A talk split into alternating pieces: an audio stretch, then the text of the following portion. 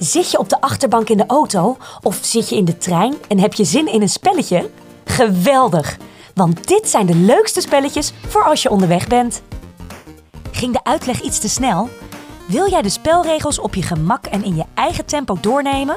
Bekijk de show notes voor de beschrijving van het spel. Woordentrein.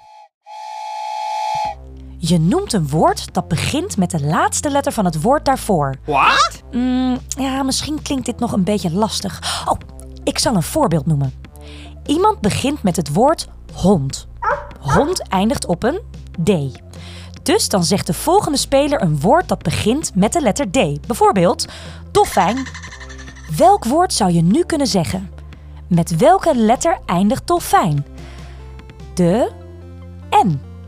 Het volgende woord kan dus zijn nelpaard of misschien wel nachtuil. Voordat je begint moet je een categorie kiezen. Kies jij voor dieren, namen, landen of groente en fruit?